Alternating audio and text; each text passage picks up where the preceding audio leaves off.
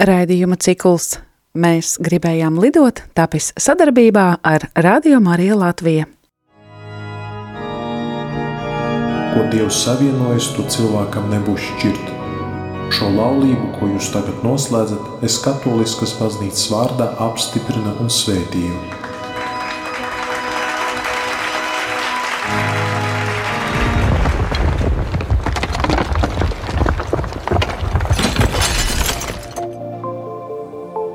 Raidījums no cikla Mēs gribējām lidot.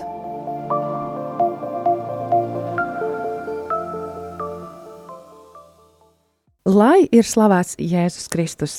Dargais radījuma arī Latvijas klausītāji, šai piekdienas vakarā vienu stundu ar tevi kopā būs raidījums Mēs gribējām lidot. No studijas Ojāra Vāciešu ielā seši tevi uzrunāju es, raidījuma veidotāja un vadītāja Judīta Zusmane. Mani jūs pazīsiet pēc brīvprātīgā statusa šeit Radio Marija Latvija darbā un kalpojumā, un vēl iepriekšējā reizē Pirmajā šī cikla raidījumā palika jums parādā tādu kā nelielu skaidrojumu, kāpēc par šo tēmu atļaujos runāt šeit, radio. Tas tādēļ, ka pirmkārt pati esmu piedzīvojusi ģimenes izjukšanu, vainas cietumu, sāpju ielaju, nepiedošanas tumsu. Esmu tam gājusi cauri savulaik bez ticības stiprinājuma, taču piecus gadus pēc laulības izjukšanas un piedzīvojot atgriešanos, pār mani nāca daļa senu jautājumu un vēl vairāk jaunas neizpratnes par manu situāciju un stāvokli baznīcā un, un to nostatot pretī dievam, kā tas varētu būt uh, skatāms dieva acīm. Šos jautājumus pārunāt radio ēterā drosme man ir devusi teoloģijas izglītību, kuru es šajā gadā esmu pabeigusi teoloģijas fakultātē Latvijas Universitātē, taču šobrīd to nostiprinu, papildinu un kaut kādā mērā pat dziedinu Rīgas augstākajā reliģijas zinātņu institūtā. Tā kā iemesls tam, kā šis raidījums nāk šeit, radījumā arī ēterā šajā laikā, ir tas, ka šajā mirklī ir satikušās iespējas, varbūt arī tiešām drosme un arī uh, laiks, laika resurss un arī atsaucīgi cilvēki, kas ļauj palīdzēt šim notikt. Šajā vakarā es šeit neesmu viena ar mani kopā. Šeit studijā ir vairāki viesi. Šovakar pie mums viesojas brālis no Rīgas Svētās Marijas Magdalēnas draugas, arī draugs ministrants. Viņš arī students no Rīgas augstākā reliģijas zinātņu institūta. Un jā, viņš ir tētis Stefanam un mīlošs vīrs sieviņai Ingrīdai Aleksandrs Lisenkovs. Labvakar! Labvakar! Un vēl pie sevis mēs šodien ciemos esam aicinājuši Rīgas Svētā Jēkaba katedrāls draugas administratoru. Pareizi. Rīgas metropolijas tiesas tiesnese, Rīgas metropolijas Romas katoļu kūrijas kancleru. Baznīcas kanonisko tiesību doktoru Priesteru Renāru Birkovu. Labvakar! Labs vakars!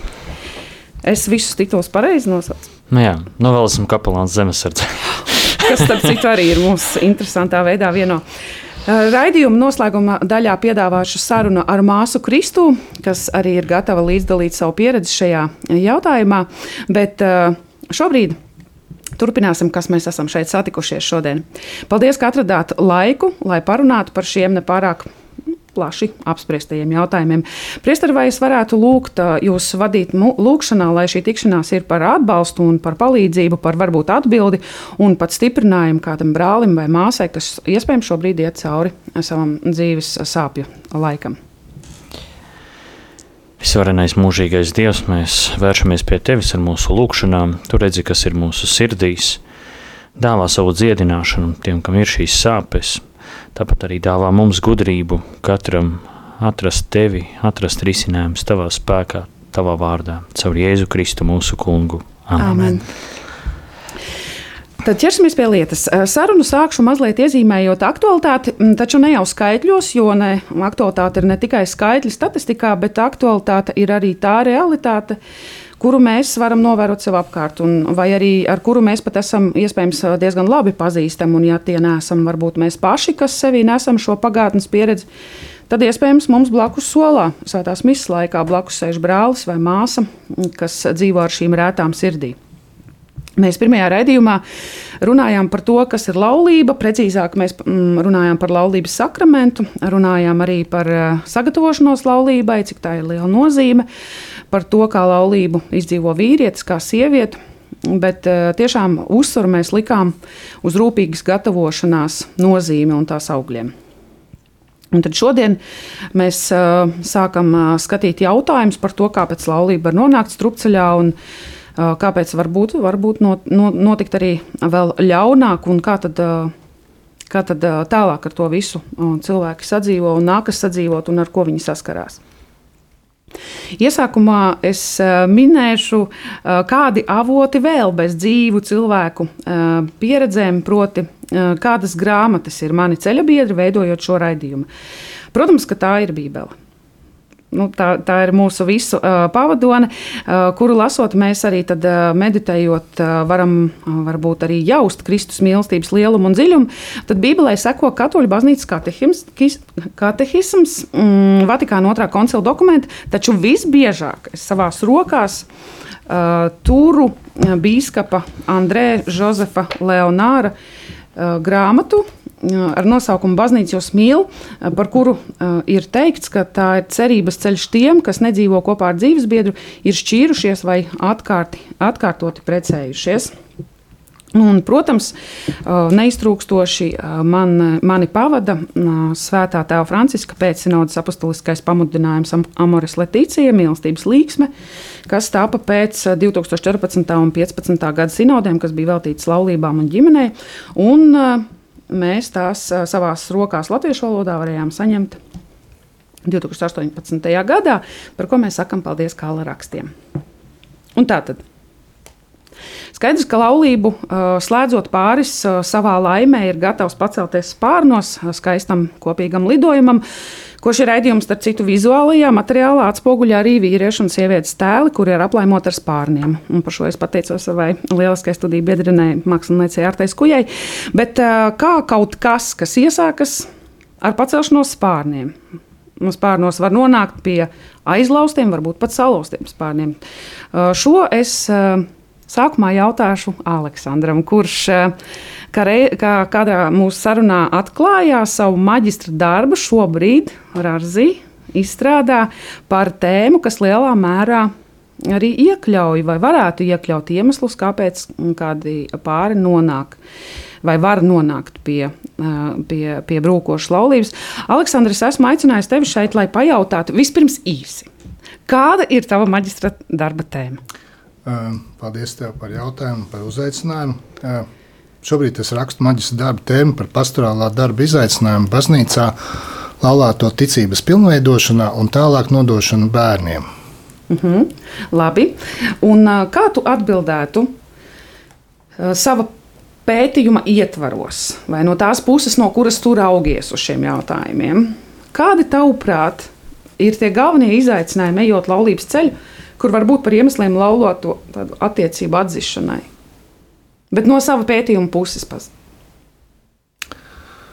Um, nu, šajā, pēt, šajā pētījumā, ko es šobrīd pētu, ja, es, uh, es redzu, ka uh, daudzi aptaujās parādās tāda. Uh, daudz novērtē to, ka viņiem laulātiem viņu ticība ir vāja.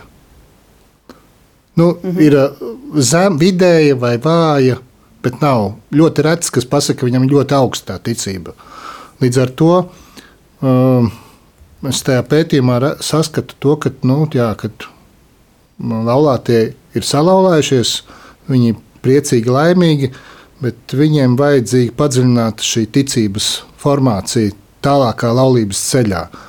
Kas varbūt tās varētu būt, ja šī ticība viņiem pa vāju, uh, tad varbūt kalpot kā iemesls uz kaut kādām iekšējām ģimenē nesaskaņām.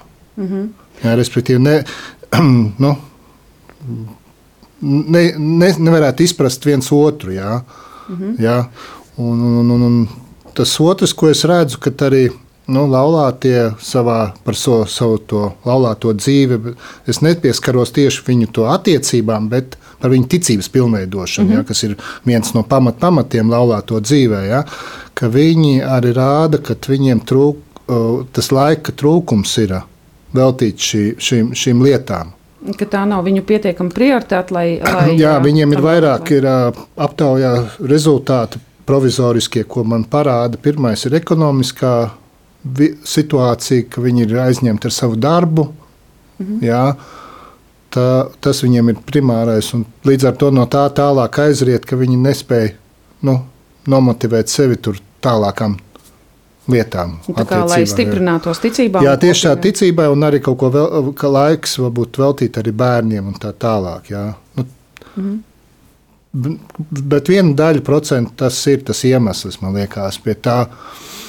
Nu, varbūt tās arī, es domāju, tieši arī varbūt kaut kur ir nav nopietni paši laulātie piegājuši pie savas sagatavošanās kursa. Mm -hmm. Starp citu, jā, mēs pagājušajā reizē jā. par to runājām, cik tas ir nozīmīgi.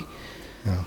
Ja, kad uh, sanāk, ka viņi uh, vēl tāpat uh, turpinot, vai varbūt pat uzsākuši savu ticības ceļu, uh, tajā vēl, vēl tāls ceļš ejams, un viņi tāpat laikā arī ir uh, pieņēmuši laulības sakramentu, un arī tam īsti tā kopšanai sanāk, tā pietrūkst laika. Nu, ja? Iespējams, jā, un, un mm -hmm. arī. Nu, Protams, pirmais, pirmais periods droši vien, ka viņiem aiziet ļoti rožaini un skaisti. Jā, bet ikdienas rutīnā jau ieejot, viņi kaut kur pazaudē šo, šo, šo sākotnējo dzirkstelīti. Un, un tam vajadzīgs kaut kāds restarts ik, ik pa laikam. Mm -hmm. un, uh, Tu minēji tieši restorāns, man liekas, tā ir ļoti labi, uh, labs komentārs. Un kas tavuprāt būtu tas restorāns, ko tad varbūt pastorālais uh, atbalsts varētu viņiem piedāvāt? Vienkārši tavuprāt, es saprotu, ka pētījums vēl ir tikai procesā, un varbūt es nezinu, cik darba dar, dar procenti tavuprāt ir izdarīti, bet, bet nu, ko tu minētu? Nu, piemērus. Nu, nu man, man piemēram, ka šī, šī, šī darba ietvarā šī tēma man bija radās aktuāla, tāpēc, ka Es redzu, ka, redzēju, ka daudz mums ir krāšņas laulības, notiek viss superīgi un skaisti, jā, bet tajā pašā momentā mēs šos laulātos neredzam draudzēs vai redzam ļoti mazu. Jā, nu, tur, kur viņi salauzājušies, vai tā. Bet ko, ko, uh, ko es teiksim, man liekas, svarīgi, lai mēs kā baznīca, uh, baznīca kā kopiena atcerētos šos laulātos. Mm -hmm. Jā, un man te tāda šī, šī, šī maģistra tēmas ietvarā man radās tāda laba ideja, ka, piemēram, forši būtu, ka mēs, teiksim, draudzes kurās e, notikušas šī laulātie, kuri salauzājušies, viņus atcerētos savās viņu gada dienās. Laulību gadienās. Jā, tieši tā. Mm. Tādā veidā tas būtu viņiem kā impulss. Ka par viņu nav aizmirst. Viņi nav aizmirst, nu, ka, ka viņus atcerās. Mm -hmm. Un tas viņiem varbūt dotu tādu iedvesmu aiziet uz to draugu, kur viņi salauzājušies, varbūt satikties ar tās draugas prāvestu, kas viņus laulāja, un sasveicināties, aprunāties, mm -hmm. veidotu dialogu. Mm -hmm. ja? nu, kas ne tikai dialogs ģimeņu starpā, bet dialogs ar kopienu, ar baznīcu, mm -hmm. kas ir ārpusē. Nu, lieliski ideja. Cerēsim, ka mēs pie tā arī nonāksim. Un varbūt sākumā viena draudzene kā celmlaus, un pēc tam jau kā, kā paraugs visām. Eh, pāvests Amoras Latīcija 218. pantā cita starpā saka. Viens no ģimenes pastorālās aprūpes izaicinājumiem ir palīdzēt laulātajam pārim, un tagad uzmanīgi, atklāt, ka laulību nedrīkst uztvert kā kaut ko pabeigtu. Te es lieku punktu. Un mans jautājums tagad, Aleksandra, kā tavuprāt šodien laulātie šo ziņu saņem? Vai viņi saņem un kā viņi saņem? Mm. Bet vispār tu piekrīti tam apgalvojumam?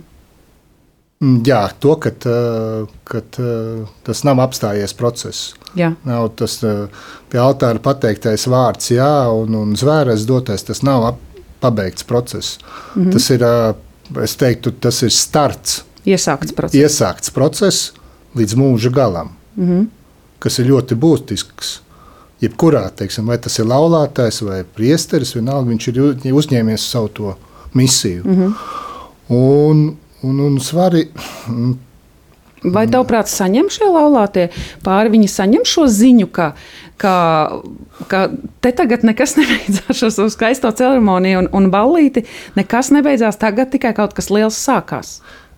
Iespējams, viņi to saņem. Jā, tajā brīdī, kad viņi noslēdz laulību, un priesteris viņam to pasaka. Jā, bet, bet nu, tādā dienā, nu, būsim godīgi, cik daudz var atcerēties no tā, kas tajā dienā ir teikts. Tur. Uh, nu, tas ir viss, cik viņiem ielikts iekšā, tas pamats būs. Mm -hmm. jā, cik viņi Sagatavošanās laikā. jā, sagatavošanās, un arī ne tikai sagatavošana, bet arī pamats uh, no vecāku puses, ko viņi būs ielikuši tajos bērnos, mm -hmm. jā, tajā jaunajā vīrā, jaunajā sievā, to pamatu, kādu būs ielikuši. Un, ja tas pamats ir būs ielikts, labs, jā, tad uh, attiecīgi viņi spēs. Un es domāju, ka svarīgi ir, ka mēs kā baznīca, kā kopiena, jā, kad, ka mēs, uh, mums viņiem, uz viņus jāmē, jāspēj uzrunāt. Mēs spējam. Es domāju, ja es tā uh, tīri subjektīvi no sava viedokļa personīgi teikšu, ka jā, spējam, bet varbūt vajadzētu variā- vēl aktīvāk.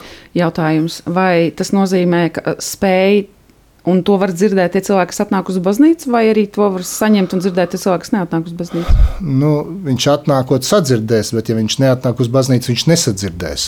Mm -hmm. tā, Tad mums vajag tos apsveikums izsūtīt, lai viņi vajag ap- atnāk. Jā, uzaicināt Jā, uz sadraudzību. jā.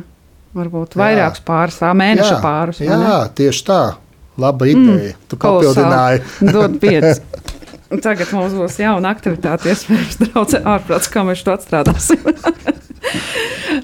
Paldies, Aleksandra. Man ir vēl viens jautājums. Varbūt, ka Varbūt ka ir kaut kas, ko es nepajautāju, bet savu pētījumu ietvaros, tu noteikti vēlies piebilst par to, kas tavuprāt pietrūkst pāriem viņu garīgajā pieredzē un izaugsmas procesā, uh, kas varētu pietrūkt vai pietrūkst, ka tas var draudēt ar, ar, ar, ar atzišanu pavisam un, un brukšanu un jukšanu. Tā. tāds grūts jautājums.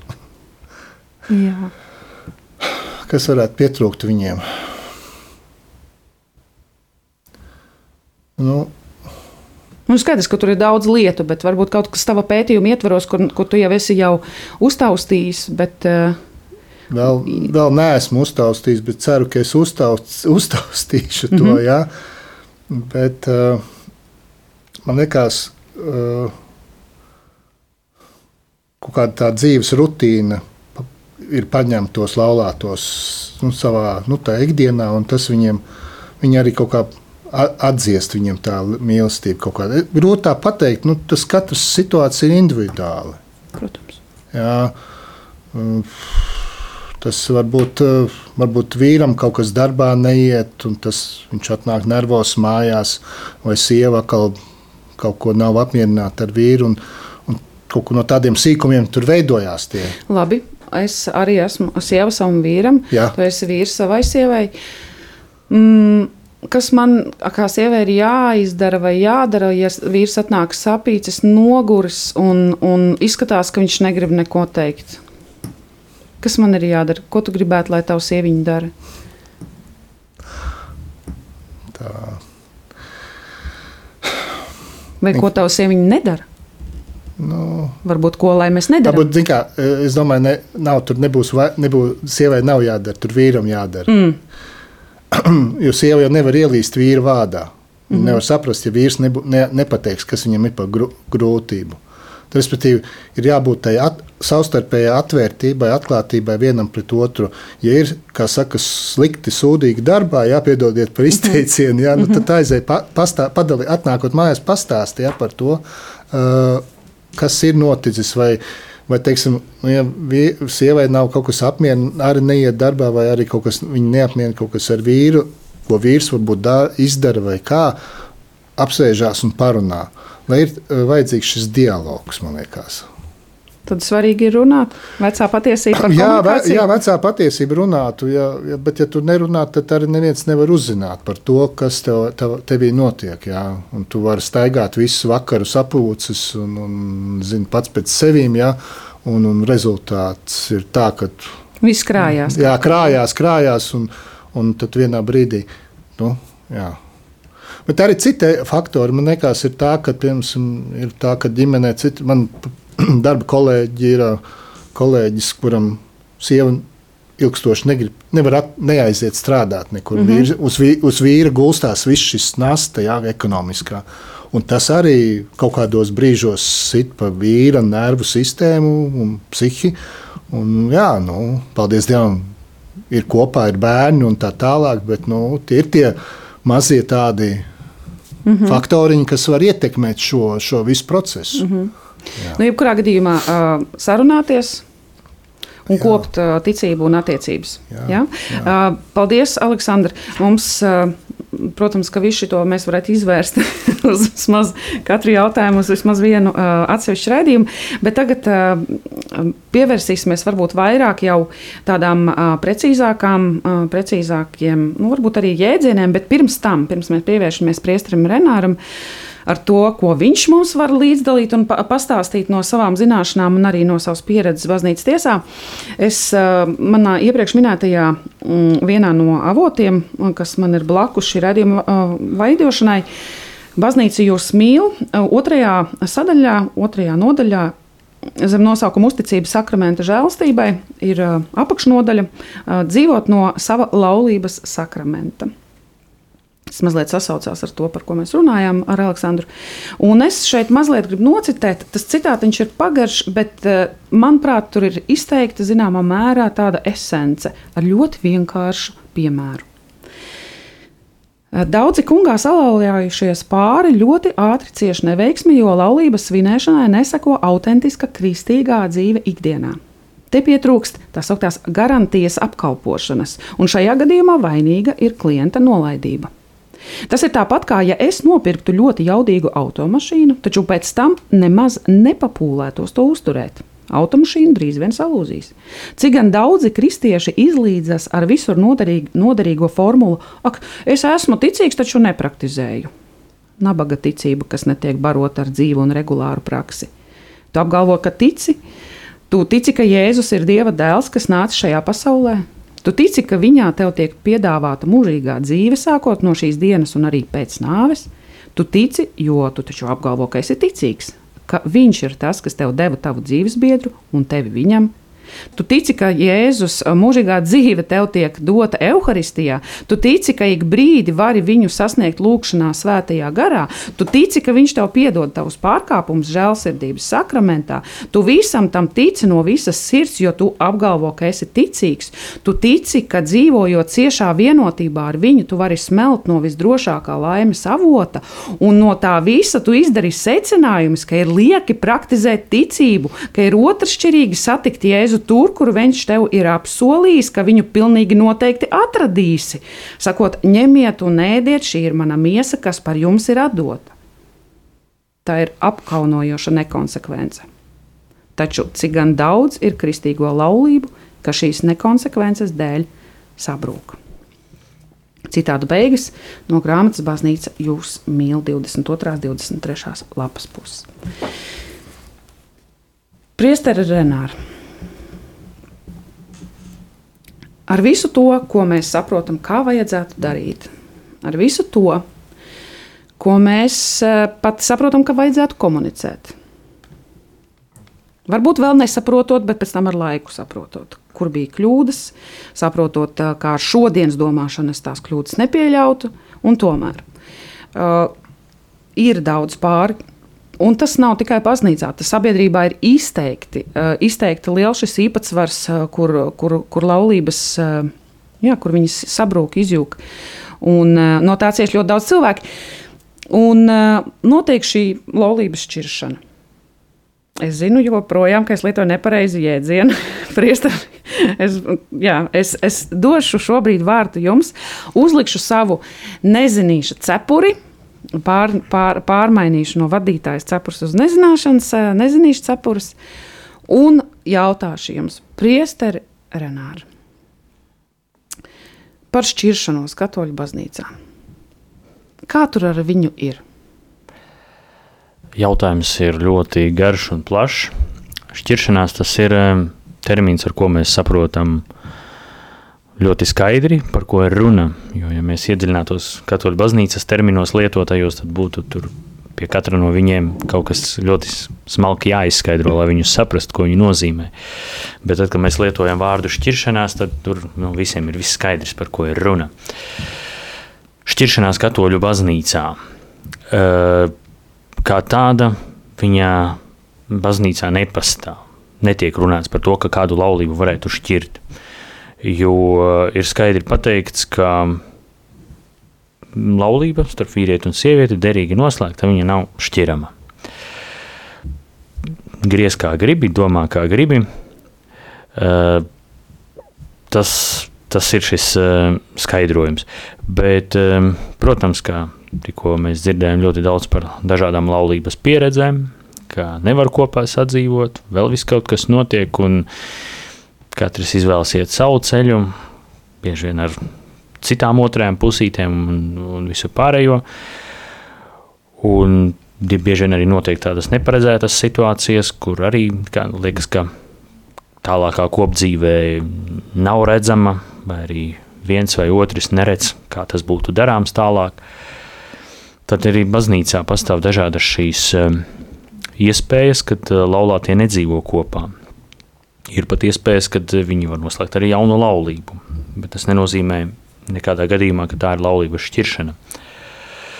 Tad eh, pirmais ir, par ko baznīcā runā, tā sauktā separācija, jeb nošķiršanās vienam no otra, kam var būt simts un viens iemesls. Piemēram, laulātie nedzīvo kopā, tāpēc, ka kāds no laulātajiem ir agresīvs un vardarbīgs, ja? vardarbīgs mm -hmm. Un apdraud otru cilvēku vai bērnus.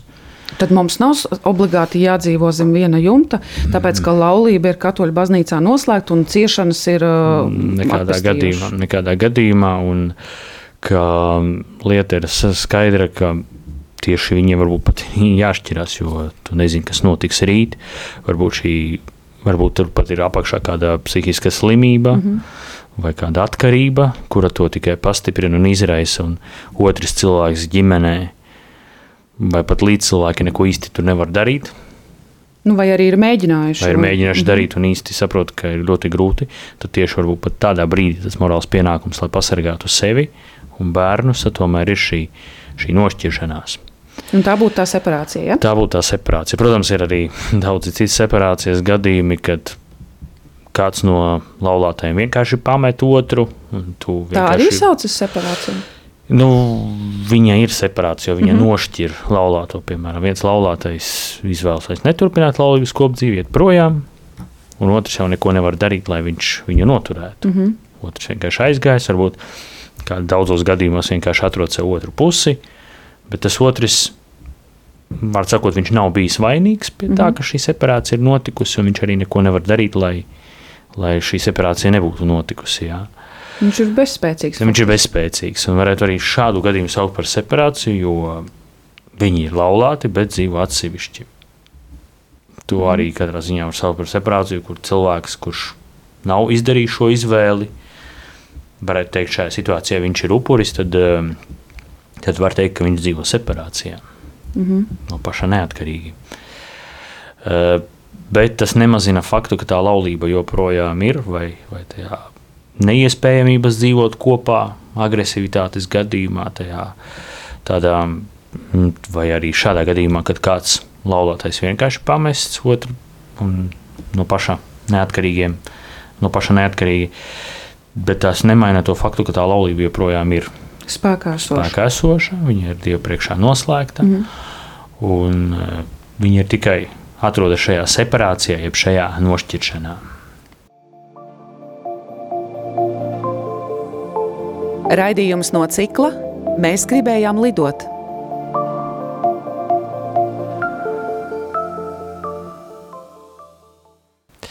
Man jautājums tāds, um, piemēram, kādus daudzus gadus atpakaļ, nezinu, varbūt 20 Vairāk cilvēki daudz mēdza doties prom no valsts, lai varētu ekonomiski atbalstīt savas ģimenes. Bija grūti laiki, un ļoti daudz no ģimenes viena, viens, viena puse devās, piemēram, tur, nezinu, Anglija, Īrija, devās prom.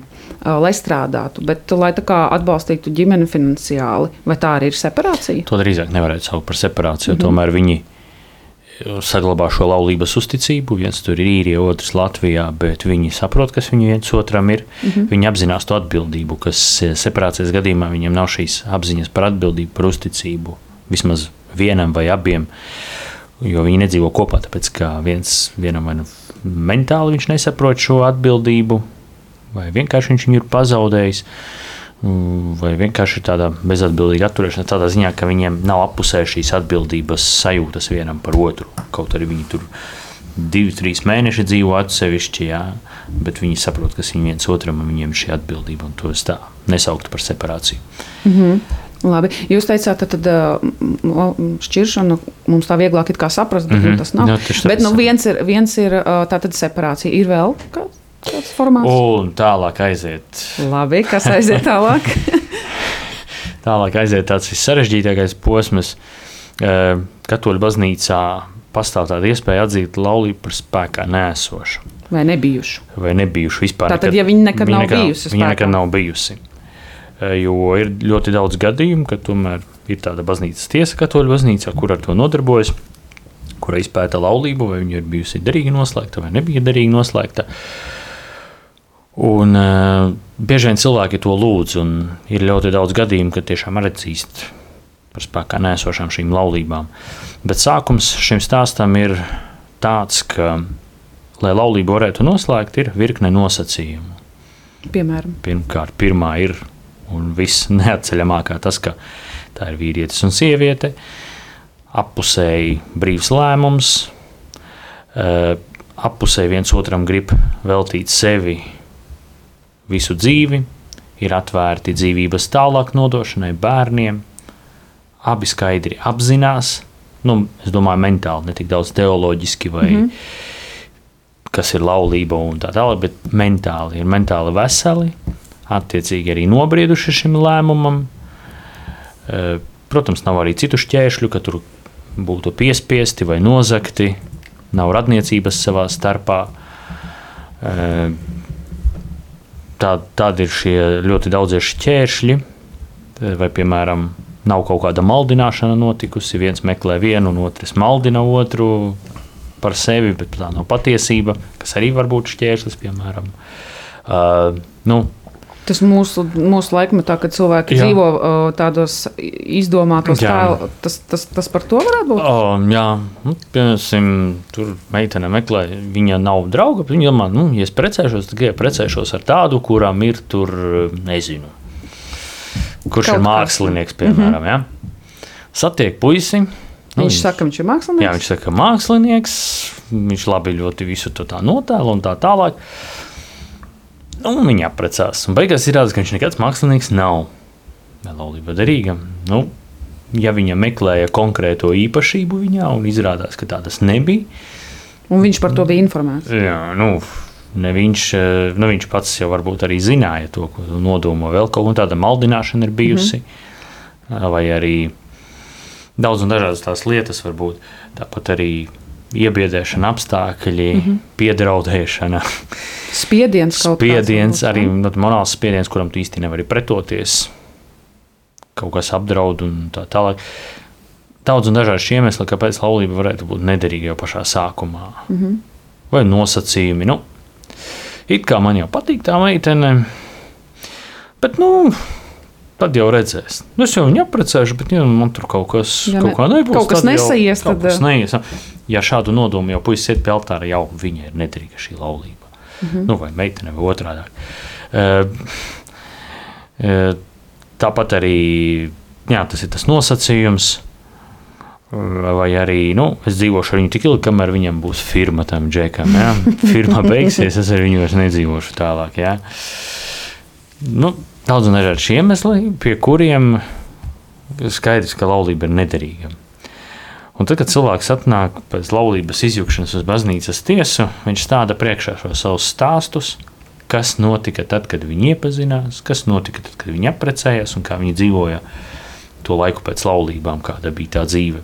Un baznīcas tiesai šajos gadījumos absolūti neinteresē, ka, piemēram, atnāk saka, nu viņš tāds Es, kad ar viņu apprecējos, tik forši bija visu tālāk, ka pēkšņi tur viņam kaut kas notika. Ja? Nu, viņš tur sācis savādāks, palika vai mīļāku atrada vēl kaut ko. Tie stāsti baznīcas tiesai neinteresē. Baznīcas tiesa šādos gadījumos mums neko palīdzēt nevar. Baznīcas tiesai pirmais jautājums ir, kā jūs, kādi jūs bijat uz laulības noslēgšanas brīdi? Vai jūs varat konstatēt, ka uz laulības brīdi ka iztrūka kāds no derīgas laulības nosacījumiem? Vai bija pilnīga brīvība, vai bijāt pilnīgi nobrieduši?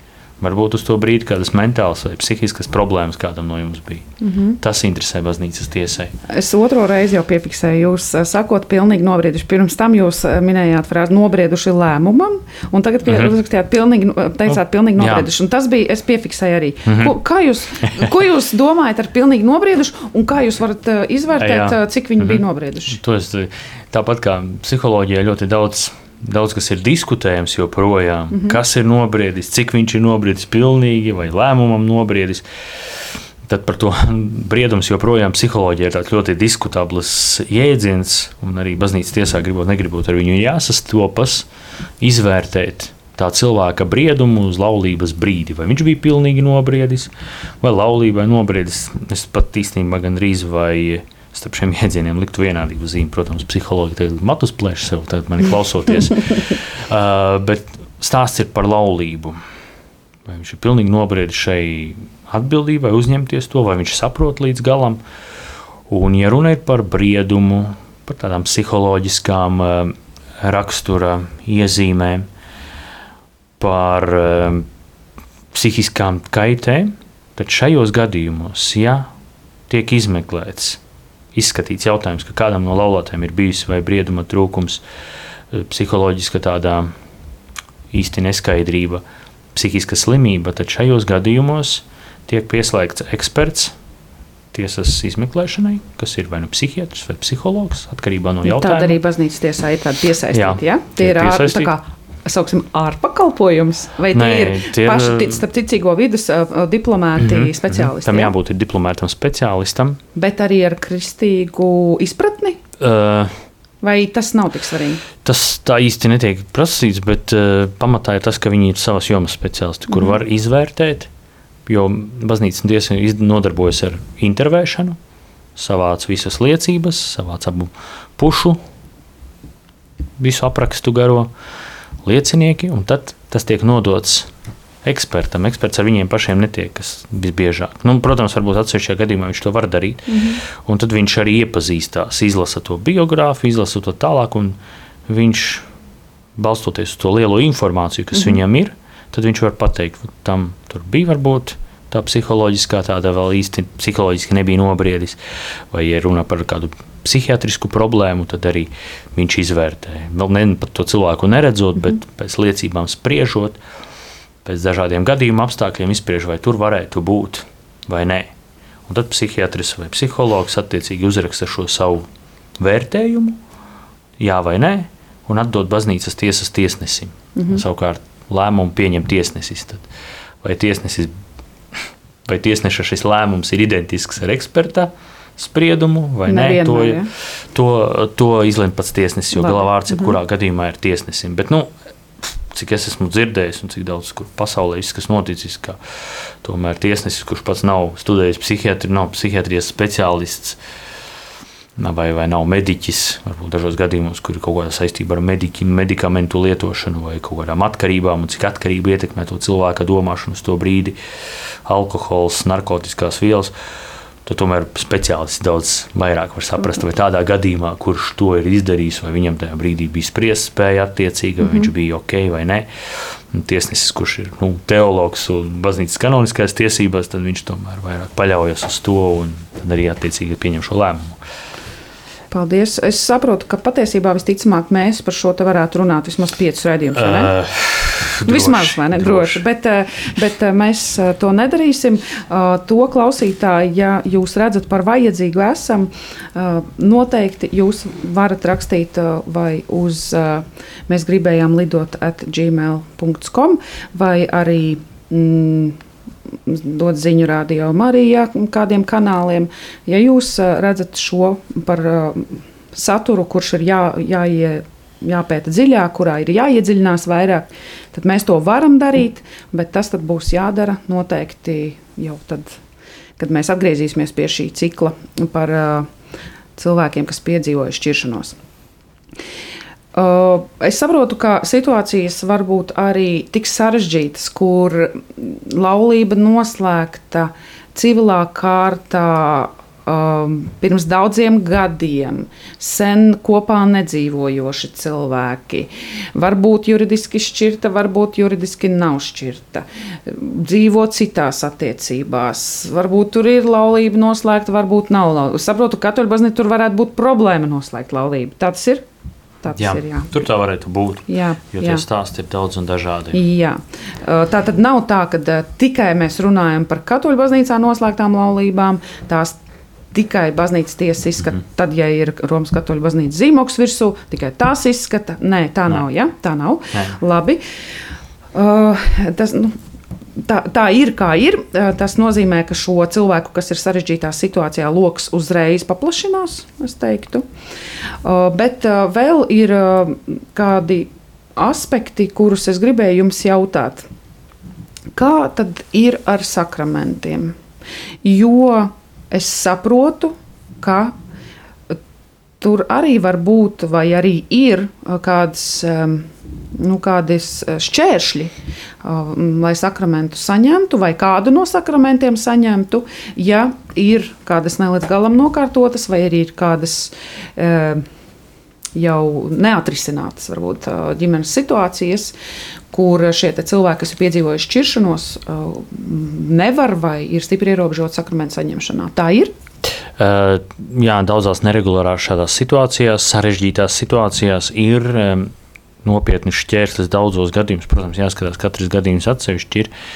Ir šķērslis pieņemt uh, svēto komuniju, un uh, tas ir bieži vien tādās situācijās, kur cilvēki vai nu ir bijuši iepriekš laulājušies, vai arī bijusi cita laulība, varbūt ārpus baznīcas, un, un viņš atkal gribētu sakārtot uh, baznīcas priekšā tos sakramentus, gribētu iet pie viņiem. Bet nevar, jo tam traucē iepriekšējā laulība. Jo tas ir kā šķērslis, saņemt šo dieva žēlastību, jo tas cilvēks dzīvo tādā kā nu, skarbi skan, bet grēka stāvoklī. Jo viņam ir laulība, bet viņš ne, ne tikai nedzīvo tajā laulībā, kas ir pats par sevi varbūt nebūtu grēks separācijas gadījumā, jo separācijas gadījumā, jeb atšķiršanās, nošķiršanās gadījumā, ja nav izveidojušās jaunas attiecības, cilvēks var turpināt iet pie sakramentiem. Bet ir jaunas attiecības, ir kā teiksim, tā jauna ģimene mēdz teikt. Bet iepriekšējā laulība baznīcas tiesā vēl nav atzīta par spēkā nēsošu, kas viņam traucē sakārtot arī tās attiecības, kas viņam tagad ir izveidojušās. Un līdz ar to nu, viņš ir tādā kā grēka stāvoklī. Viņš, viņam ir laulība, bet viņš dzīvo ar citu cilvēku. Tas ir grēks. Un kamēr grēks nav, cilvēks no grēka nav atbrīvojies caur grēku sūdzi un tādu arī savas dzīves sakārtošanu, viņam ir šķērslis pieņemt svēto komuniju, pieņemt svēto Jēzus Kristus miesu kas, ko baznīca piekodina, pieņem tikai tādā sirdī, kas ir brīva no grēka. Tajā brīdī ir atraisījusies no grēka, ir nožēloti grēki, ir skaidra apņēmība laboties, skaidri zina, ka viņš pie tā grēka neatgriezīsies. Nevis neatgriezīsies, bet viņš ir skaidri apņēmies neatgriezties pie šī grēka. Tad tā sirds ir sagatavota satikties ar pestītāju tādā ļoti ciešā, ļoti, ļoti, ļoti tādā intīmā veidā. Jūs teicāt, laulības baznīcas tiesā vēl nav atzīta par spēkā. Vēl, nu, tas vārds vēl man nu, vēl. dara uzmanīgi. Mm -hmm. Jā, bet jo. tas vēl, jautājums, cik ilgs tas vēl var būt? Tas ir ļoti, ļoti atkarīgs no tā, kādas ir tās situācijas. Kad viņa vai viņa ir iesniegta baznīcas tiesā šī laulība, kāda ir baznīcas tiesas kapacitāte ar vairākām laulībām strādāt. Un cik atkal tie paši, tie, kuri lūdz vai mm, liecinieki, cik viņi ir atvērti ar to sadarboties, mm -hmm. cik viņi tur ierodas laikā vai neierodas laikā, vai viņus var sazvanīt vai nevar sazvanīt. Tur to apstākļu ir ļoti daudz, no kā ir atkarīgs tas laiks, cik ātri baznīcas tiesa var izskatīt vienu lietu. Es esmu dzirdējusi septiņi gadi. Tas tā var būt? Ir, ir tā bijis. Esmu dzirdējis daudz un dažādus stāstus, bet tam ir um, sava priekšvēsture. Labi, tam ir priekšvēsture. Tam ir, uh, tagad es tādu spēju, vismaz pēdējo gadu laikā, es tādu neesmu dzirdējis par septiņiem gadiem. Labi. Uh, vai ir tā, ka kaut ko šajā visā mainīja, vai, jā, sauksim, mainīja arī šis spēcināts apustuliskais pamudinājums Amoras Latīcijas, šis dokuments arī kaut ko ir izmainījis uh, procesā? Tiešā veidā nē. Bet ļoti tādā netiešā veidā, jā, jo, protams, viņš runā par to, ka baznīcai jābūt pretīm nākošai un jāmēģina saprast šo cilvēku situācijas.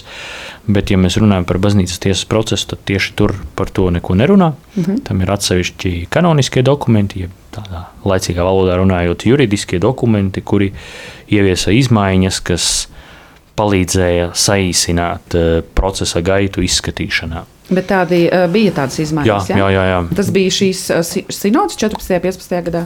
Uh, tas bija jā, praktiski pēc, pēc tam, kas piekodina to, ka baznīca jābūt pretīm nākošai, no tā varēja izrietēt šies, šīs izmaiņas procesā. Mm -hmm. Nezinu, cik man nepieciešams tagad viņus skaidrot. Nē, nē, es tīri juridiski, jautāju, tehniski. Bet, tieši cilvēkiem, ko tas var tas, nozīmēt. Jā, viņi saīsināja procesu par vienu instanci. Kādreiz Labi. bija divas, lai laulība būtu spēkā nēsoša. Bija nepieciešamas divas instances, kuras apstiprina. Viena instance pasaka, ka spēkā nēsoša, un, ja nākošā instance to apstiprina, tad viss cilvēks, nu, cilvēks var atkal jaunu laudu noslēgt katoļu baznīcā. Mhm. Tad šie, šie jauninājumi ieviesa to, ka nebija nepieciešamas divas instances, tagad nav vairs nepieciešamas divas instances, bet ir pietiek tikai ar vienu. Ja pirmā instance pasaka, ka šī laulība spēkā nēsoša, tad arī šis cilvēks. Tad šis lēmums ir saistošs. Jā, nu, var sakot, saīsināja par vienu instanci. Tāds Jā. ļoti tehnisks tiesas procesā. Jā, labi. Pieņemot, ka mūs šobrīd var arī klausīties kāds, kurš varbūt mazliet nejūtas droši tajā, kas notiek, varbūt jau gadiem šis jautājums stāv nekustināts. Bet, bet nu, varbūt gribētos sakārtot, ko jūs teiktu, kur ir jāvēršas, ar ko ir jāsāk? ar ko ir jāsāk, tad, protams, katolis.lv.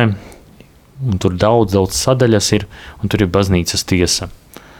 Un tur arī norādīti ir numuri un e-pasti, un, un tajos droši var ar tiem kontaktēties. Labi, un no jebkuras vietas Latvijā, no jebkuras draudzes Latvijā, cilvēkam tas būs pieejams. A, jā, nu, vismaz kontaktēšanās ir pieejama. Tieši tā. Uh, tad varēs arī sazināties un Protams, zvaniet, uz kuru numuru jums ir eh, ērtāk vai tuvāk, vai kur mhm. jums patīk labāk zvanīt. Un, ja nebūsiet uz pareizo piezvanījušu numuru, tad jums izstāstīs, kur vērsties. Novirzīs uz pareizo. Jā. Paldies, jo, nu, Latvijā mums ir maza, mums ir tikai divas baznīcas tiesas. Tās ir kur? Eh, viena ir Rīgas metropolijas tiesa, kas ir šeit Rīgā, un otra ir eh, starpdiecēžu tiesa, kas atrodas Aglonā. Uh mhm. -huh. Un tad tas ir atkarīgs, kurai diecēzei ir piederīga šī persona, vai kurā diecēzē šī laulība tika noslēgta, vai kur kāds no laulātajiem dzīvo. No tā arī izriet, kurā tiesā viņiem ir jālūdz, šis, jālūdz šīs lietas izskatīšana.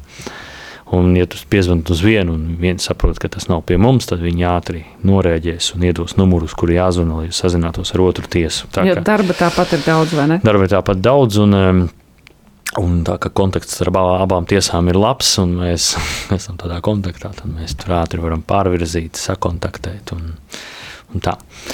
Vai jūsu pieredzē ir kādi gadījumi, kad cilvēki varbūt uzsāka, bet procesā ir sapratuši, ka vispār to procesu nevajag turpināt? Mēs ņemam papīrus ārā un, un, un dzīvojam, mēģinam atjaunot to, kas ir šķietami it kā izirs. Uh, manā personīgajā pieredzē, kopš pagājušā decembra, gada decembra, kopš strādāju baznīcas tiesā, tādu gadījumu neesmu dzirdējis. Un, Bet no citiem pieredzējušiem kolēģiem? Grūti teikt, arī tā, ne, neteikt, kas to būtu dzirdējis, mm -hmm. ka iemesls ņemšanai ārā būtu, ka tas nav aktuāli, jo mēs atkal atsākam kopdzīvi. Nu, ir citi iemesli ņemšanai ārā? Mm, arī īsti nezinu, varbūt kaut kas ir mainījies, varbūt negrib turpināt šo procesu, varbūt arī tajā iecerētajā jaunajā dzīvē kaut kas ir pamainījies un nav vajadzības to lietu izskatīt. Un, un tā.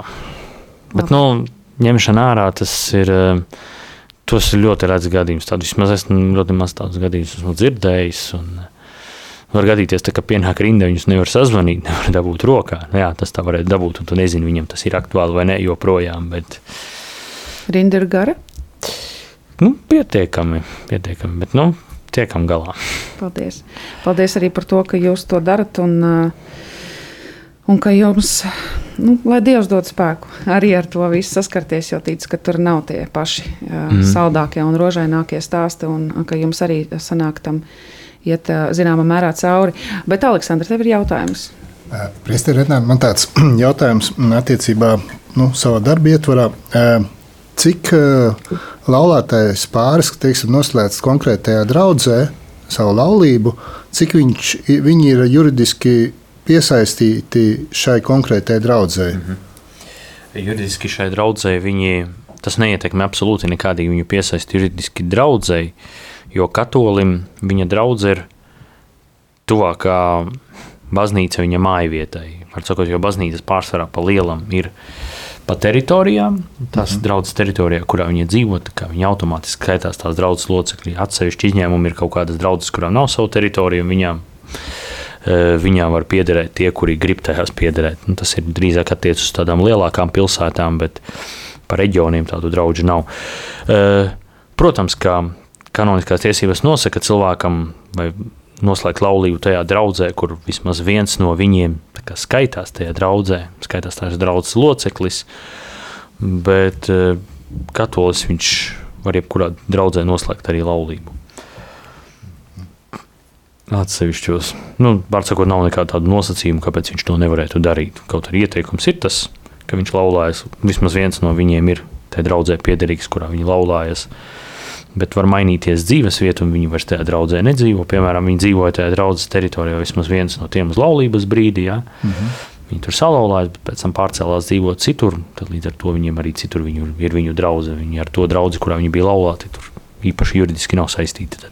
Bet, teiksim, ja, pāris no Rīgas nolēma aizbraukt uz salauzties Aglonā. Jā, tā arī var būt. Tas, tā arī notiek. Tā domāju, arī notiek. notiek. Un, Bet uh, viņiem aglona nav saistoša. Ja? Nu, nē, teiksim, no nē, laulības. Nē, nu, ja viņi tās draudzes teritorijā nedzīvo, tad arī ja tur tā ne. Jo katolis ir katolis visā pasaulē. Kur viņš atrodas, tur, tur ir viņa draugs. paldies, paldies liels par, par jūsu atbildēm, un paldies arī par laiku, ko jūs varējāt veltīt eh, šīm sarunām. Un, eh, eh, varbūt laiks rādīs, ka mums būs jāturpina par šo runāt dziļāk, tad mēs aicināsim jūs atkal.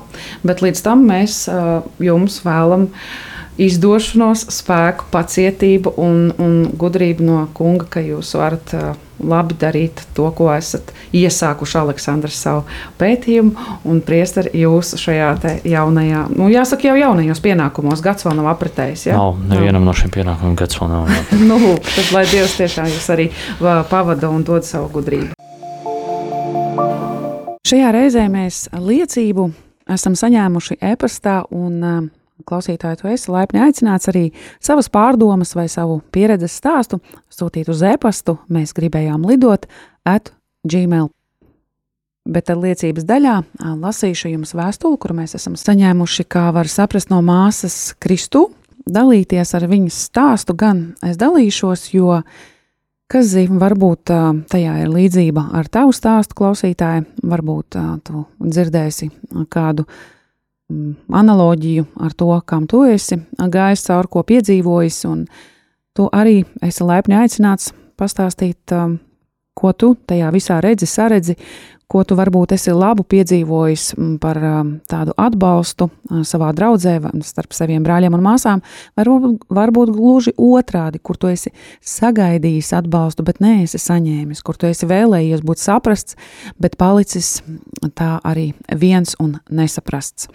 Bet uh, šobrīd pievēršos vēstulē. Lai ir slavēts Kristus! Paldies par šo raidījumu. Ceru, ka dzirdēsim dažādus aktuālus jautājumus, kas interesē šķirtajiem cilvēkiem. Es gribu nedaudz padalīties ar savu pieredzi par šķiršanos un ticības dzīvi. Izšķīros pirms vairāk kā desmit gadiem, precējušies bijām piecus gadus. Bērni mazi, bet mēs tik atsvešinājušies viens no otra, ka nepratām klausīties un dzirdēt viens otru. Un izdarījām kļūdu, izšķiroties. Toreiz nebija uz ticības ceļu, pārdzīvojumi bija neaprakstāmi, veselība iedragāta, bērni ievainoti, mēs paši vairāk vai mazāk, bet satriekti. Nu, vismaz es. Bijušais vīrs gan laiku izmantoja pēdiņās likts liederīgi un ātri apsievojās atkal, bet man sāpēja tik dziļi, ka gadiem nelaidu sev nevienu klāt, nelaidu sirdī iekšā. Mūri ap mani bija biezi un augsti. Cik gribēju, tik izgāju pati no tiem, lai izklaidētos, bet, kad izklaidējos, atgriezos savos mūros un tajos nevienu nelaidu iekšā. Tik ļoti man sāpēja. Tad šobrīd ticu, ka tas notika ar dieva ziņu, bet nonācu sveceļojumā uz aglonu un tā atgriezos pie dieva. Pirms tam mana ticības dzīve bija tikai izkārtne, kas netika papildināta ar zināšanām un mācību. Tā līdz šodienai nesaprotu jēgu no Lutāņu baznīcas. Pienākot katoļu baznīcā, paējot laikam, sapratu, ka man nedod mieru mana šķirtā laulība, jo, lai arī eks-vīrs sen dzīvoja citu dzīvi, man tas nebija tik vienkārši, vismaz manā sirdī nē. Es, apme, es meklēju atbildes uz dažādiem jautājumiem, uz daļu atbildes saņēmu, uz daļu nē. Un vēl trakāk bija, kad sapratu, ka man nav pat bijusi nojausma par to, kāda ir kārtība ticības praktizēšanai, ja esi piedzīvojis laulības izjukšanu un esi citās attiecībās, vai arī, ja neesi citās attiecībās. Es nezināju par to, ka ir cilvēki, kas nedrīkst iet pie komunijas.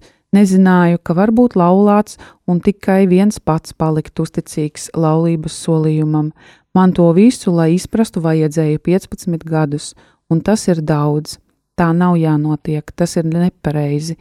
Mums ir pārāk īsa dzīve, lai tā atļautos izniekot laiku. Ļoti ceru, ka šķirto cilvēku aktuālo jautājumu izcelšana gaismā nebeigsies šai raidījumā. Lūdzu, runājiet skaļāk, tālāk un vairāk. Man vēl ceļš ejams, lai pilnībā atdotu dievam savus pārdzīvojumus, man vēl jāpiedod tiem, kas aroganti smaidījuši padzirdot manu stāstu. Tomēr es ticu, ka ir iespējams pasniegt roku tiem, kas var būt mums nav līdz galam saprotami, tomēr ir redzams, ka dzīvo ar ievainojumu sirdī. Esmu izvēlējusies dzīvi ar Jēzu un pie tā palikšu, tomēr ar vienu palikšu lūgšanā par dzīvu, tuvāku mīlestību mūsu starpā. Pateicos jums par raidījumu, jūsu māsa Kristu. Vēstules beigas. Paldies jums par šo, par šo vēstuli. Jāsaka, arī paldies, ka jūs uzticat uh, savu stāstu, lai arī paliekat uh, neidentificējamu Tāpēc mēs kopā arī esam un, un atzīstam, atpazīstam šo problēmu un uh, tiekamies šajā vajadzībā, un uh, šīs vajadzības uh, pacelšana gaismā, tiešām, kā jūs sakat, pacelšana gaismā var arī varbūt kādus labus augļus dot, uz to mēs arī varbūt, kā saka, varam ticēt un, un lūgt, noteikti lūgt, ka atrodas. Cilvēki, kas var palīdzēt šādā, varbūt jaunā kalpošanā, varbūt kādā vismaz lūkšanu grupā, kur var satikties cilvēki ar līdzīgām sāpēm un varbūt balstīt viens otru gan daloties pieredzē, gan varbūt arī lūdzot palīdzību pie kādiem zinošiem speciālistiem. Bet par to mēs varam liecināt viens otram, ka tāda vajadzība ir pat, kas patiesībā varbūt arī zināmā mērā ir šī raidījuma mērķis. Paldies par jūsu stāstu, paldies, ka dalāties un aicinu arī citus droši dalīties tajā, kā jūs esat pieredzējuši savu dzīvi, savu realitāti savās draudzēs. Paldies! Mēs ar jums, klausītāji, tiksimies pēc kāda laika, atkal piekdienas vakarā, un nākamajā reizē mēs runāsim par to, kā Šķiršanos mēs izdzīvojam mūsu psiholoģiskajā tādā plāksnē, un ar ko mēs saskaramies tīri psiholoģiski, kas ir tie procesi, kuriem mēs ejam cauri. Lai jums ir patīkams vakars, lai ir brīnišķīgas brīvdienas, arī pateicību visiem, kas ir bijuši ar mums arī kā viesi, un arī tu klausītāji, ka esi ar mums un redzi šo par derīgu esam. Es Judīta Zusmane no tevis klausītāji atvados, tiksimies pavisam drīz un kopā paliekam lūkšanā viens par otru un par baznīcu kopumā, lai ir slavēts Jēzus Kristus. Dzirdējām izskanam raidījumu no cikla Mēs gribējām lidot, kas tapis sadarbībā ar Latvijas bruņoto spēku kapelānu dienestu.